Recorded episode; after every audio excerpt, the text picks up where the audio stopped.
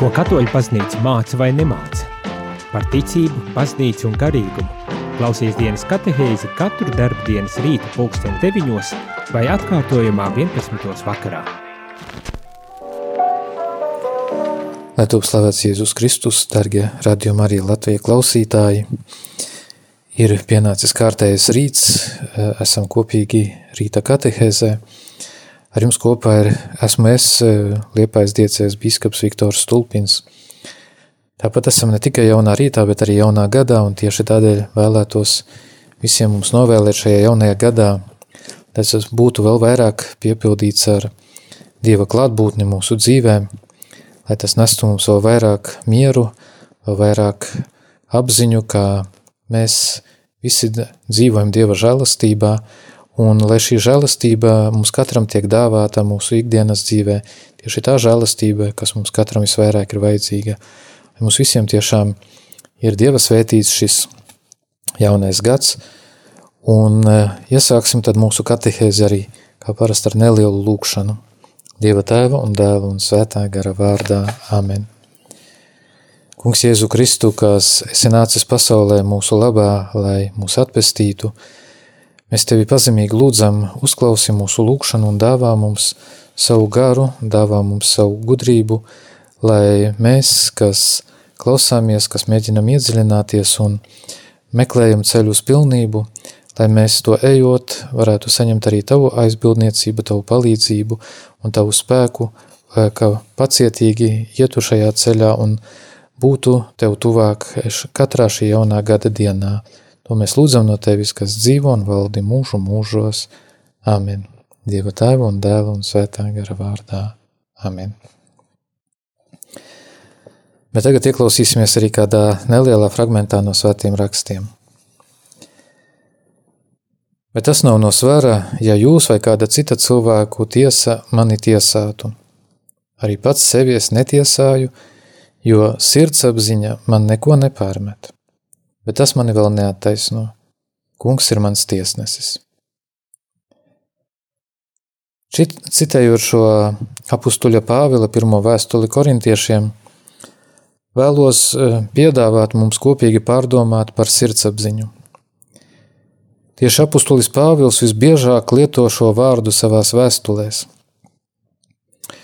Jo, ja mēs palūkotos svētajos rakstos, jaunajā derībā evaņģēlijos, tad šķiet nemaz neatrastu šādu vārdu.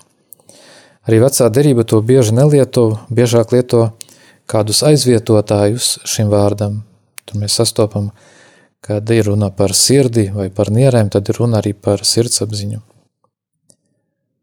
Arī savā ikdienas dzīvē mēs pārāk bieži nelietojam šo vārdu. Iespējams, to biežāk lietojam, izsakot kādu aizrādījumu, kā piemēram, Vai tev sirdsapziņas nemaz nav? Bet kas tad īsti ir sirdsapziņa? Etimoloģiski mēs labi nojaušam, ka vārds ir saliktenis – sirds un apziņa. Tas nozīmē, ka sirdsapziņa ir sevis apzināšanās, sevis pazīšana ar sirdi. Un Vatikāna otrais koncils pastorālajā konstitūcijā Gaudījumets pēc to definē tā – Sirdsapziņa ir visnoslēpumainākā un svētākā vieta cilvēkā, svētnīca, kurā viņš vienatnē ar Dievu var sadzirdēt viņa balsi. Ieklausīšanās sirdsapziņā un rīkošanās saskaņā ar to arī ir ceļš uz pilnību. Veselīga sirdsapziņa ir liels palīgs garīgajai izaugsmē. Bet mēs varam runāt arī par divām tādām svarīgām sirdsapziņas, ja tā var teikt, slimībām, kas kavē izaugsmi, kas neļauj saskatīt savu patieso stāvokli. Viena tāda slimība tas ir sirdsapziņa ar slimīgu vainas apziņu, kas liec būt patiesi atklātam, rada skumjas, intereses zudumu un pat izmisumu. Vēri sirdsapziņa var būt tāda, kura neredz nevienu grēku, jeb viegli atrod sev visādus attaisnojumus. Veselīga sirdsapziņa ir tā, kas atklāja kādu likumu, kuru cilvēks nes, e, kuru cilvēks nav tevis pats sev, bet kuram viņam ir jāpaklausa. Ļoti labi to izsaka arī latīņu valodas vārds, ko mēs tulkojam kā sirdsapziņā. Latīniski tas ir konsciencija, kas nozīmē kopīgas zināšanas, zināšanas kopā ar kādu. Tātad sirdsapziņa ir kopīgas morālas zināšanas, kopīgas ar kādu. Mēs gan vairāk esam noskaņoti domāt, ka sirdsapziņa ir tikai manas privātās zināšanas, ka sirdsapziņa mūsos ir kaut kas autonoms, mūsu personīgais spriedums. Dažkārt sakām, ka mana sirdsapziņa man to neļauj. Mana, mana, mana. Bet patiesībā mūsu sirdsapziņa ir kopīga sirdsapziņa, kopīgas zināšanas. Lai arī netieši runa par sirdsapziņu, runā par sirdsapziņu e, tieši evaņģēlī attēls, kur mēs lasām par Herodu un Jāni Kristītāju. Mateja Marka evaņģēlija 6. nodaļā par to ir rakstīts, un 20. pantā mēs lasām, ka Herods baidījās no Jāņa, zinādams, ka viņš ir taisnīgs un svēts vīrs un saudzēja viņu. Lai gan Jāņa runas viņu mūsināja, viņš tomēr labprāt viņā klausījās. Cilvēks, kā min Vatikāna koncila dokuments, nerada normas pats, bet atklāja tās kopā ar kādu – dialogā ar kādu. Tas arī nozīmē, ka sirdsapziņa aug, tā veidojas, jo mēs, ne, jo mēs neesam morālo normu, likumu autori, bet atklājam to tās dialogā ar kādu. Neveidojam morāles normas pēc saviem ieskatiem. Tomēr, diemžēl, mūsdienās šajā ziņā cilvēki dzīvo pēc principa, bet es tādu jūtu. Un cits atkal, es, nejū, es jūtu citādāk vai arī es to nemaz nejūtu. Un tas daudziem aizvieto sirdsapziņu, proti, manas privātās normas, kaut arī pēc nosaukuma sirdsapziņa mudina mūs iziet ārpus sevis un ieiet dialogā ar visu dabisko likumu autoru Dievu. To pasaka arī apustulis Pāvils mūsu katehēzes pamattekstā. Pats sevi es netiesāju, bet tas mani neattaisno. Kungs ir mans tiesnesis. Nav šaubu par to, ar ko kopā apustulis Pāvils veido savas morālās normas - ar kungu, kurš ir viņa tiesnesis. Kungs ir tiesnesis tādēļ, ka viņš zina to, kas ir apslēpts. Tajā pašā vēstulē korintiešiem apustulis tālāk raksta: Viņš apgaismo tumsības noslēpumus un atklāja sirdžu nodomus. Kā jau teicu, sirds svētajos rakstos nereti parādās kā sirdsapziņas aizvietotājs, un tas ir saprotami, jo runājot par cilvēku, kurš rīkojas taisnīgi un svēti, ka viņam ir ne tikai zināšanas par to, kas ir labs vai ļauns, bet viņš tāds ir, viņš tāds ir kad rīkojas saskaņā ar sirdsapziņu. Tas nozīmē, ka viņā ir iekšēji pieķeršanās šīm normām, pieķeršanās dabiskajam likumam, kurš saka – dari labu un izvairies no ļaunā. Tālāk pirmajā vēstulē korintiešiem Pāvils raksta: Zināšanas dara uzpūtīgu, bet mīlestība ceļ. Pāvils to saka lielu pārdomu par sirdsapziņu kontekstā. Sirdsapziņa nav tikai zināšanas, bet ir jāmīl to, ko esmu atklājis. Sirdsapziņa ir apslēpta, ir zināšanas, ir zināma vienīgi Dievam, bet vienlaicīgi nosaka arī mūsu rīcības vērtību. Tādēļ ar tiesāšanu vienmēr jābūt uzmanīgiem. Kā Kristus, tā arī Pāvils mūs vienmēr mudina: netiesājiet. Pirms netiks atklāti siržu nodomi. Īpaši par to lasām Pāvila vēstulē romiešiem. Tanī dienā, kad kungs tiesās cilvēka noslēpumus saskaņā ar manu evaņģēliju caur Jēzu Kristu. Vai arī citā vietā viņš raksta: Dievs, kas pētī sirdi, zina, ko gars vēlas, jo viņš, tas ir svētais gars, saskaņā ar Dievu aizlūdz par svētiem. Mēs cilvēki redzam to, kas ir ārējais, to, kas ir acīm redzams, redzam darbus, ko kurš ir uzrakstījis, izdarījis, teicis, bet neredzam motīvus. Bet motīvs, nodoms ir noteicošais. To izteiksmīgi parāda atklāsmes grāmata, kur otrajā nodaļā lasām Dieva vēstījumu Efezes baznīcai. Es zinu tavus darbus un pūles un tavu pacietību, un ka tu nevari paciest ļaunos un pārbaudīt tos, kas saucas par apustuļiem, bet tādi nav, un esi atradis tos par meļiem. Tev ir pacietība, un tu esi mana vārda dēļ daudz cietis un neesi paguris. Bet man ir pret tevi tas, ka tu esi pazaudējis savu pirmo mīlestību.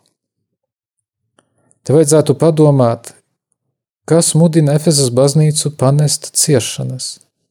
Varbūt tā ir vienkārši zobu sakošana un noslēgšanās sevī, bet nav mīlestības. Efezas baznīca ir apustuliska baznīca. Tur bija apustulis Jānis, apustulis Pāvils, Dilmāte, Lūkas, Timotejs. Visi viņi bija Efezā. Efeza bija tāda baznīca, bet mīlestības tajā nebija. Tādēļ Pāvils mudina: netiesājiet, jo patiesā tiesa ir atkarīga no tā, kas ir sirdsapziņā un kas ir apslēpts. Skaistākais ir tas, ka Dievs, kurš zina mūsu sirdsapziņu, redz tur darbojamies arī svēto garu, kas mums liek lasīt, eh, kā mums liek lasīt apustulis Pāvils pirmajā vēstulē tesalonikiešiem. Dievs mūs atradis cienīgus, lai uzticētu mums evaņģēliju. Tāpēc mēs sludinām, izpatikdami ne cilvēkiem, bet Dievam, kas pārbauda mūsu sirdis. Un tas, ka Dievs mūs pārbauda, dara mūs cienīgus, lai mēs sludinām evaņģēliju. Dievs redzot mūsu sirdis, redz tur tādu labumu, kā uztic mums evaņģēliju. Visas šīs Pāvila pārdomas par sirdsapziņu ir tādēļ, lai mēs zināmā mērā distancētos no mūsu spriedumiem vispirms par sevi, bet tad arī pār līdzcilvēkiem, lai mēs nebūtu tik pārliecināti par saviem spriedumiem, jo var izrādīties, ka tās zināšanas, kuras Dievam ir par viņiem, ir citādākas nekā mūsu. Līdz tam ir jāaug, un par to ir jārūpējas, un par to varam izdarīt tikai, un to varam izdarīt tikai esot kopā ar kungu, vienotībā ar kungu. To labi atklāja apustuļa Pāvila sastapšanās ar augšām, apustuļa Pētera sastapšanās ar augšām cēlušos pie Tibērijas jūras. Jēzus jautā, vai tu mani mīli? Pēteris, mīlu. Otrais, vai tu mani mīli? Mīlu. Un trešoreiz, vai tu mani mīli? Kungs, tu visu zini, tu zini, ka es tevi mīlu. Pēters ir tāds pats kā Pāvils – Beigu beigās viņš nonāk pie tā, ka sevi netiesā, neizmanto tikai pats savas zināšanas par savu sirdsapziņu. Kungs, tu visu zini. Viņš vēlas balstīties tajā zināšanās, kas ir Jēzum par viņu, un tas darīja Pēteri par cienīgu, lai viņam tiktu uzticēts evaņģēlijs un tiktu uzticētas dabas valstības atslēgas, un kas izskan arī vārdos – gani manas savis, gani manus ķērus. Tas nozīmē, ka Jēzus atzīst Pēteri par pārbaudītu arī pēc trīskāršās aizliekšanās. Tātad pilnīgi cits vērtējums ir Dievam, pilnīgi atšķirīgs no mūsējā. Bet tagad dosimies kādā muzikas pauzē, lai nedaudz varētu veltīt laiku arī kādai pārdomai.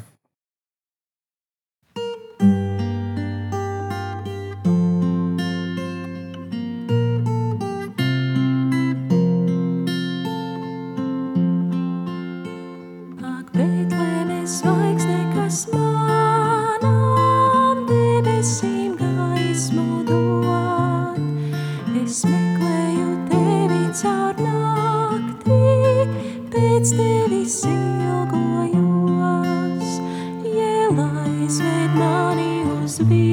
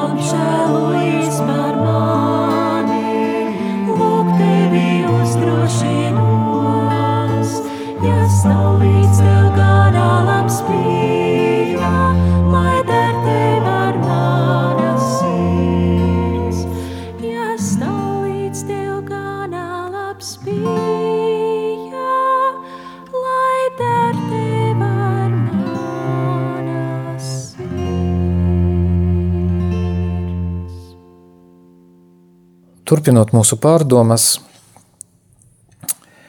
e, mēģināsim saprast arī par tādu parādību, ko mēs varbūt kādreiz esam dzirdējuši, par ko mēs kādreiz esam arī domājuši un ko varbūt kādreiz esam pielietojuši, bet laika gaitā varbūt ir piemirsies un kas saucās sirdsapziņas izmeklēšana. Vairāk vai mazāk apzinīgi mēs esam saskārušies ar šo procesu mūsu garīgajā dzīvē. Taču nevienmēr līdz galam mēs varbūt esam izpratuši jēdzienu sirdsapziņas izmeklēšanu. Daudziem tas asociējas ar kaut ko negatīvu, izraisa nepatiku. Vārds izmeklēšana, ja tas tiek uztverts burtiski, tas var likt domāt par uh, divējādu matemātiski precīzu norēķināšanos. Vispirms norēķināšanos ar Dievu, un tad norēķināšanos arī pašam ar sevi. Pirmajā gadījumā jāsaprot, ka sirdsapziņas izmeklēšana nav verga norēķināšanās ar kungu, apsūdzētā ar tiesnesi, skolnieka ar skolotāju, padotā atskaitīšanās priekšniekam. Sirdsapziņas izmeklēšana drīzāk ir savas sirds, savas sirdsapziņas situācijas pētīšana. To var nosaukt arī par savstarpējas mīlestības dialogu starp dievu un cilvēku. Otrā gadījumā noķer, norēķināties ar savu sirdsapziņu daudziem cilvēkiem, e, e, daudzi cilvēki negūst no tā e, miekšējo mieru, nepiedzīvo prieku un grēku par grēku piedošanu, jo neprot distancēties no sava sprieduma, lai spētu saskatīt Dieva žālsirdību, kurš iziet pretī, kurš ir aizkustināts un neraugoties uz mūsu grēku lielumu un daudzumu vēlas mūs apskaut, kā mēs to lasām Lūkas evaņģēlī 15. nodaļā, līdzībā par pazudušo dēlu. Labi veiktas sirdsapziņas izmeklēšanas priekšnoteikums ir jau pieredzētā dieva mīlestība uz cilvēku un nevis otrādi. Mēs neatklāsim sirdsapziņas izmeklēšanas jēgu un mērķi, ja iepriekš nebūsim atklājuši dieva mīlestību. Apzinoties savu vājumu un ievainotību, kas nāk no grēka, daudzkārt mums pietrūks drosmes atmest nebūtisko, atteikties no ilūzijām, lai būtu pilnīgi patiesi savā sirdī. Tamdēļ mums ir nepieciešams svētais gars, kas dara mūs brīvus, kas palīdz mums nostāties patiesības priekšā un Dieva vārda gaismā to atklāt. Apustulis Pāvils mūs iedrošina, izmeklējot sirdsapziņu, vispirms piesaukt svēto garu. Jo pieminētajā vēstulē romiešiem 8. nodaļā viņš raksta: Gars nāk palīgā mūsu vājībai. Viņš ir patiesības gars, kuru Jēzus apsolīja sūtīt vēl pirms savām ciešanām, nāves un augšām celšanās, un kurš mācīs visu patiesību. Ikreiz uzsākot sirdsapziņas izmeklēšanu, kaut īsā lūkšanā ir jāpiesauc svētā gara darbība, svētā gara palīdzība, lai atklātu visu patiesību par sevi. Šeit ir svarīgi likt akcentu uz vārdu visu patiesību. Tas nozīmē, ka mēs nemeklējam tikai grēkus, netikumus, nolaidības, bet, bet pamanām arī labo, to, kur ar Dieva žēlastības palīdzību esam auguši, pilnveidojušies, lai varētu par to pateikties. Patiesa skatījums uz sevi, uz savu dzīvi, pat ja mēs atrodam tajā hausu un daudz maldu, nebūs depresīva pieredze. Nereti mēs sirdsapziņas izmeklēšanu veicam pavirši un sekli, jo par katru cenu gribam izvairīties no ciešanām un sāpēm, ko tā sagādā. No ciešanām un sāpēm, ko esam nodarījuši sev, tuvākajiem un dievam. Katrs grēks skar to, kurš, to, kas cilvēkā ir pats svarīgākais - viņa paša esamību, viņa dzīvi. Dzīvi dziļi ievaino vispirms pašu grēcinieku. Bet, lai arī cik liels vai mazs būtu grēks, tas jebkurā gadījumā ievaino. Tas atklāja cilvēka situācijas dramatiskumu un trauslumu, gan garīgajā dzīvē, gan arī tīri cilvēciskajā, fiziskajā un psihiskajā. Tieši grēks parāda, cik viegli var ievainot cilvēku un cik viegli viņš ievaino citus, īpaši viņa tuvākos. Cilvēka dzīvi var salīdzināt ar alpīnista drošības jostu, kas viņu saista ar citiem kalnā kāpējiem.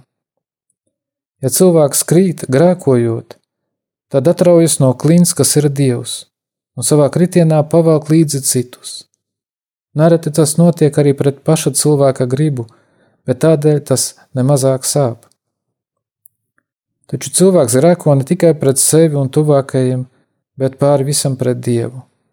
Ar grēku mēs neiedomājami sāpinām savu tēvu, kurš jau tik daudzas reizes mums ir piedevis un ir gatavs atkal no jauna mūs pieņemt, kad nākam pie viņa ar visu savu dramatismu un trauslumu. Sirdsapziņas izmeklēšanai, kas mūs sagatavo grēksūdzēji, ir jāmainās līdz ar izmaiņām arī mūsu dzīvē. Sirdsapziņas izmeklēšana, kas tiek padziļināta un paplašināta, ir īpašs lūkšanas veids, ar kura palīdzību mēs varam nojaust savu garīgo izaugsmi, savu iesaistīšanos baznīcas un sabiedriskajā dzīvē, profesionālajā un citās svarīgās dzīves jomās. Garīgā dzīve nav tikai divbīgu vingrinājumu praktizēšana, Tā aptver visu cilvēku, katru, viņu, katru viņa darbību. Labi un patiesi veikta sirdsapziņas izmeklēšana palīdz pilnīgi apzināties Dieva darbību ne tikai sevī, bet arī visā mums apkārt esošajā realitātē. Kā iepriekš tika minēts, svētais gars ir patiesības gars, kas parāda, izgaismo tās mūsu būt, būtības puses, kuras ir tumšas un tumšas kur ir nepieciešama dieva žēlastības un žēlsirdības intervence. Tomēr tas neizslēdz arī cilvēka, kurš izmeklē sirdsapziņu līdzdarbošanos. Sirdsapziņas izmeklēšana ir arī cilvēka atmiņas un prāta darbs. Un, kā jau tika minēts, ir jāpārbauda ne tikai ļaunie, bet arī labie darbi, vai tie ir darīti e, pilnīgā veidā, vai saskanēji ar dieva iedvesmām, vai arī viss vairāk dzīvi pārbauda no negatīvā viedokļa, jo arī labiem darbiem ir pilnīgi, e, labiem un pilnīgiem cilvēkiem gadās kādas kļūdas. Tāpat sirdsapziņas izmeklēšana pieder e, pie sirdsapziņas, pie, pie sirdsapziņas izmeklēšanas pieder arī pārdomas par tieksmēm, ļaunumu avotiem un kļūdām. Šajā procesā ir iesaistīti arī griba kura pamudina uz nožēlu un izdara apņemšanos laboties.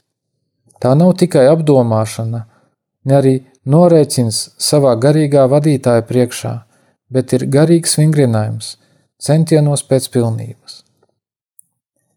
Garīgajā dzīvē sirdsapziņas izmeklēšana ir, liela, eh, sirdsapziņas izmeklēšana ir liela loma. Ar laiku tā iegūst cilvēka noteiktu formu. Pravietis Jeremijs par to ir teicis, lai pārbaudām mūsu ceļu un meklējam un atgriežamies pie kunga. Zināmā veidā mēs to atrodam jau pie pagānu filozofiem, kā Pitagora, Plīnija, Cicerona, kurš liek vakarā pārdomāt, ko esam dienas laikā izdarījuši, ko atstājuši novārtā. Kristīgajā laikmetā to sastopam pie vientuļnieka Antonija, kas ieteic šo vingrinājumu ikdienas, un pie tam dod padomu to kontrolēt arī rakstiski. To pazīst un iesaka arī svētais Bazīlijs, Jānis Hrizostoms, Augustīns, Kasjāns, Cezārijas no Ārlas, Izidors, Bernards un citi. Par sirdsapziņas izmeklēšanas nepieciešamību runā svētais Bonaventūra un svētais Akvīnas Toms. Sirdsapziņas izmeklēšana palīdz iegūt sirdskaidrību. Tāpat kā ikdienas telpu tīrīšana, uztur dzīvoklis podru, tā sirdsapziņas izmeklēšana un tās tīrīšana ar nožēlu atbrīvot veseli no vainām. Sirdsapziņas izmeklēšana palīdz pazīt sevi, savas tieksmes un pieķeršanās, to avots, avotus un ietekmes. Tas šķietami pazemo cilvēku, un tādēļ mēs nelabprāt veltījam tai laiku, tomēr nav iespējams iet uz priekšu, nepazīstot sevi. Kristus vārdi, kāpēc tu redzi skabargu sava brāļa acī, bet baļķi savā acī neredzi, tik bieži īstenojas mūsu dzīvē. Sirdsapziņas izmeklēšana palīdz novērst kļūdas un trūkumus un liek paredzēt briesmas un izdevības e, un atgādina nepieciešamību pūlēties, vada cenšanos uz pilnību. Svētais Ignācijas no Loyolas iesaka, izmeklējot sirdsapziņu, uzmodināt ticības, paļāvības un mīlestības aktus, izteikt dievam lūgumus, ar ko tā iegūs arī lūgšanas formu, un cilvēks iemantos daudzas žēlastības. Mūsu kristīgajā dievbijā ir izstrādājušās divas sirdsapziņas formas, par kurām mēs pārdomāsim arī pēc nelielas mūzikas pauzes, proti, vispārējā un partikulārā sirdsapziņa.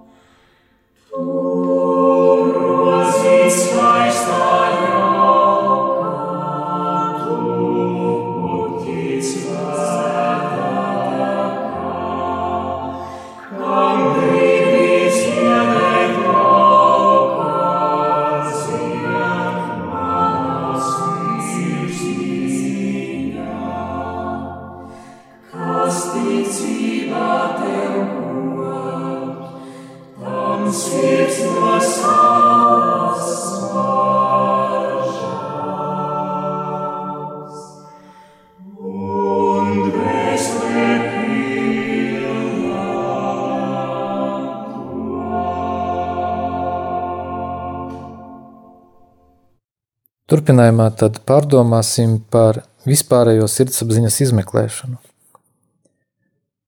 Šī sirdsapziņas izmeklēšana attiecas uz visu, ko, es, ko esam vai neesam darījuši konkrētā laika posmā, proti, šādu sirdsapziņas izmeklēšanu izdara par laiku no pēdējās grēksūdzes, gatavojoties nākošai, vai arī ikdienas vakarā par visu aizvadīto dienu.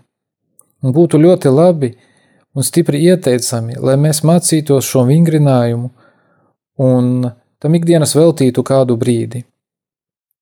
To nevajadzētu darīt pavirši, bet apdomāt visus grēkus un trūkumus, to ļaunumu pakāpi, apstākļus un avotu.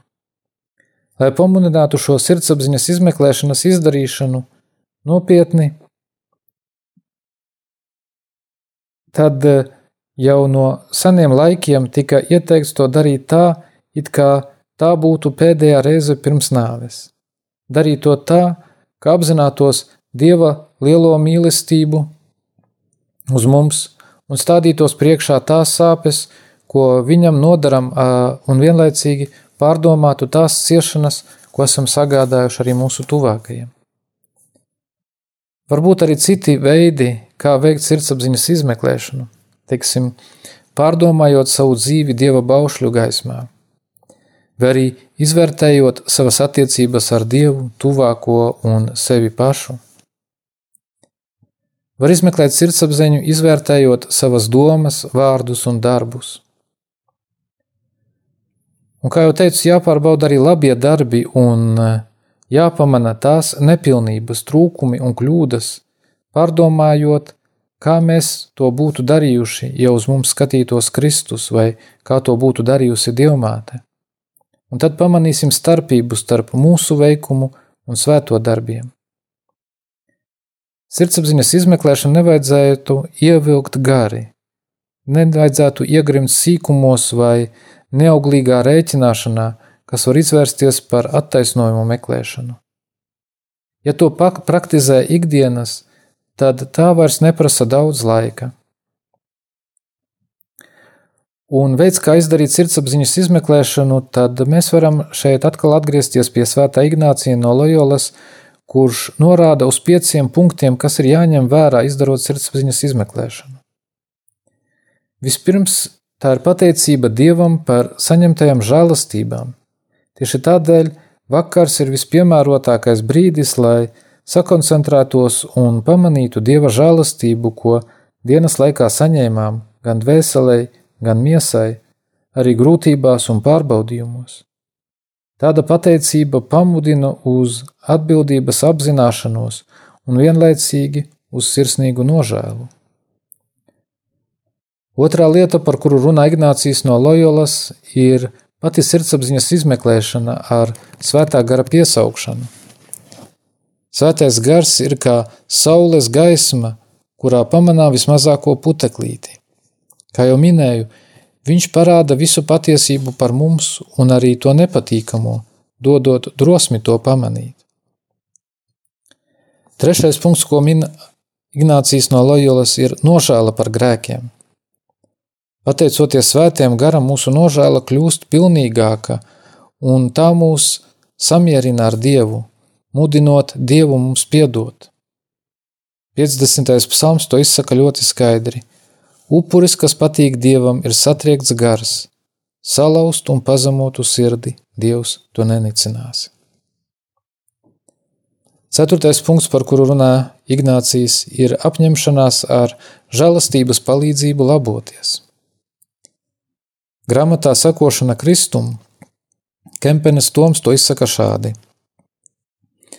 Domā vienmēr par to, kā tu varētu kļūt labāks. Atceries savu labo apņemšanos un uzlūko to, kas savu aicinājumu pildot nomira pie krusta. Pretoties netikumiem un kaislībām, tāds uzdevums ir daudz grūtāks nekā sviedriem plūstot veikt vismagāko roku darbu – Cik daudz varas tu pret sevi lietosi, tik daudz garīgi augsi. Un pēdējais punkts, ko piemin Svētais Ignācijas, ir sirsnīga lūkšana, lai Dievs mums palīdzētu sevi uzvarēt. Jāņa evaņģēlija 15. nodaļā līdzībā par vīna koku un atvasēm Kristus saka, bez manis jūs nekā nespējat. Tā arī mums jāatzīst, ka tiecoties pēc pilnības – Pēc pilnīgas grēku nožēlas mēs nevaram iztikt bez Dieva žēlastības. Tas katram ir jāpiedzīvo, lai novērtētu Dieva darbību mūsos. Otrs sirdsapziņas izmeklēšanas veids ir partikulārā sirdsapziņas izmeklēšana. Partikulārā sirdsapziņas izmeklēšana, kā norāda nosaukums, e, šajā sirdsapziņā tiek izvērtēta viena kļūda, viens netikums, viens grēks, vai arī viens tikums, viens labais darbs, pārdomājot un aplūkojot to ilgākā laika posmā. Tas nozīmē, ka mums ir apņemšanās cīnīties ar kādu vājību vai grēku, jeb arī iegūt kādu tikumu, un mēs izvērtējam savus pūliņus, savu uzticību tam, ko esam apņēmušies. Jau piesauktais svētais Ignācijas no Loyola šo sirdsapziņas izmeklēšanu vērtē augstāk par vispārējo. Tās vērtība pastāv tanī, ka tā pievērš uzmanību vienai lietai un mobilizē visus spēkus, lai ar to cīnītos vai attiecīgi to iegūtu. Šis darbs līdzinās darbam dārzā. Dārzā zemi neaprūpē uzreiz vairākās vietās, bet izvēlas vienu dobi un tad, kad tā ir sakopta, pāriet pie nākošās, kamēr viss dārs ar laiku maina savu izskatu. Tā strādājot pie vienas lietas garīgajā dzīvē, mēs ar laiku sasniedzam augļus un pa ceļam e, esam iepazinuši sevi vēl vairāk un labāk. Arī šī sirdsapziņas izmeklēšana bija pazīstama jau senatnē, arī pie pasaulīgiem filozofiem. Tāpat to atklāja svētais Jānis Hrizostoms. Šīs partikulārās sirdsapziņas priekšmets vispirms ir grēki, kļūdas, kas bieži vien nāk no pārsteigšanās, neapdomības, jo tajos ir mazāk vainas. Tad arī trūkumi, piemēram, laba nodoma trūkums, nepieciešamās piepūles trūkums, žēlastības neizmantošana. Tāpat vispirms ir jācīnās ar ārējām kļūdām un grēkiem, jo tie visvairāk sāpina un ieļauno tuvāko, un pie zināmas piepūles tos ir vieglāk apvaldīt nekā iekšējos grēkus. No iekšējiem grēkiem vispirms būtu jāpievērš uzmanība visraksturīgākajam. Tas ir tam, kurš visbiežāk nāk priekšā. Tas ir mūsu ahilēja papēdis un nereti citu grēku avots. Ja to spēsim uzveikt, tad vājināsies arī citi grēki. Šo grēku visbiežāk sastopam vispārējās izmeklēšanas laikā, vispārējās sirdsapziņas izmeklēšanas laikā. Visbiežāk ar to sastopamies domās un to visvairāk pamana arī citi. Līdzīgi kā ar grēku, tāpat cenšoties iegūt kādu tikumu, tikai ceļš ir jāiet cits. Tātad ir jālūdzas un jācenšas praktizēt vēlamais tikums, kura trūkumu esam pamanījuši. Arī šeit ir nepieciešama pacietība un uztic, uzticība, līdz mērķis tiek sasniegts. Ceļā uz mērķi nevajadzētu uzņemties uzreiz sasniegt pilnību, bet sākt ar nelieliem vingrinājumiem tikumā. Tad, pateicoties pacietībai, mēs vieglāk sasniegsim to, pēc kā mēs tiecamies. Tiem, kas ir iesācēji garīgā dzīvē, vairāk piemērots ir grēku uzveikšanas ceļš, tomēr nevajadzētu pavisam novērsties no tiekšanās pēc tikuma.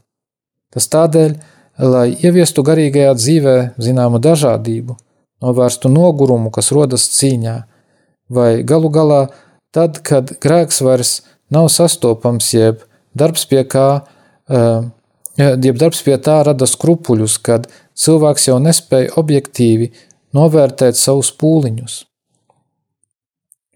Kā praktizēt šo partikulāro sirdsapziņas izmeklēšanu? Vispirms jāapzinās, ka pašu grēku, ar kuru cīnāmies, vai tikumu, pēc kura tiecamies, nemaina bieži. Pie tā strādā tik ilgi, kamēr to neesam uzveikuši vai ieguvuši. Izņemot gadījumus, kad pati cīņa mūs ir tik ļoti nogurdinājusi un neredzam progresu ilgāku laiku. Varbūt vairāk ieteikumi, kad būtu jāpamaina mūsu cīņas objekts, tomēr vislabāk ir pašam uzmanīgi vērtēt sevi, vērot sevi, lūgt svētā gara gaismu Un ja vien ir pieejams kāds garīgais līdzgaitnieks vai garīgais tēvs, bikstāvs, tad lūgt viņa palīdzību. Lai palīdzētu šajā ceļā, tad būtu labi no rīta sevī uzmodināt apņemšanos sargāties no grēka, no kura gribam laboties vai praktizēt attiecīgo tikumu. Tāpat dienas laikā lūgt piedošanu, kad esam piefiksējuši neveiksmi mūsu centienos un atjaunot mūsu apņemšanos. Kā iepriekš teicu, vakarā censties izbrīvēt laiku vispārējai sirdsapziņas izmeklēšanai un vienlaicīgi pārdomāt arī par šo konkrēto cenšanos. Tāpat gatavojoties grēksūdzē, atcerēties un pateikties par to, kas izdevies, kur esam cieši līdzdarbojušies Dieva žēlastībai un vienlaicīgi izvērtēt arī progresu mūsu konkrētajos centienos. Ļoti noderīgi šajā ziņā ir arī pieraksti, un tieši tādēļ, ka mēs tajos atgādinām sev par mūsu apņemšanos, par mūsu pūliņiem, tad mēs arī varam pamanīt vieglāk to procesu, kuram esam gājuši cauri un kādu progresu esam piedzīvojuši. Un arī šajā brīdī dosimies nelielā mūzikas pauzē.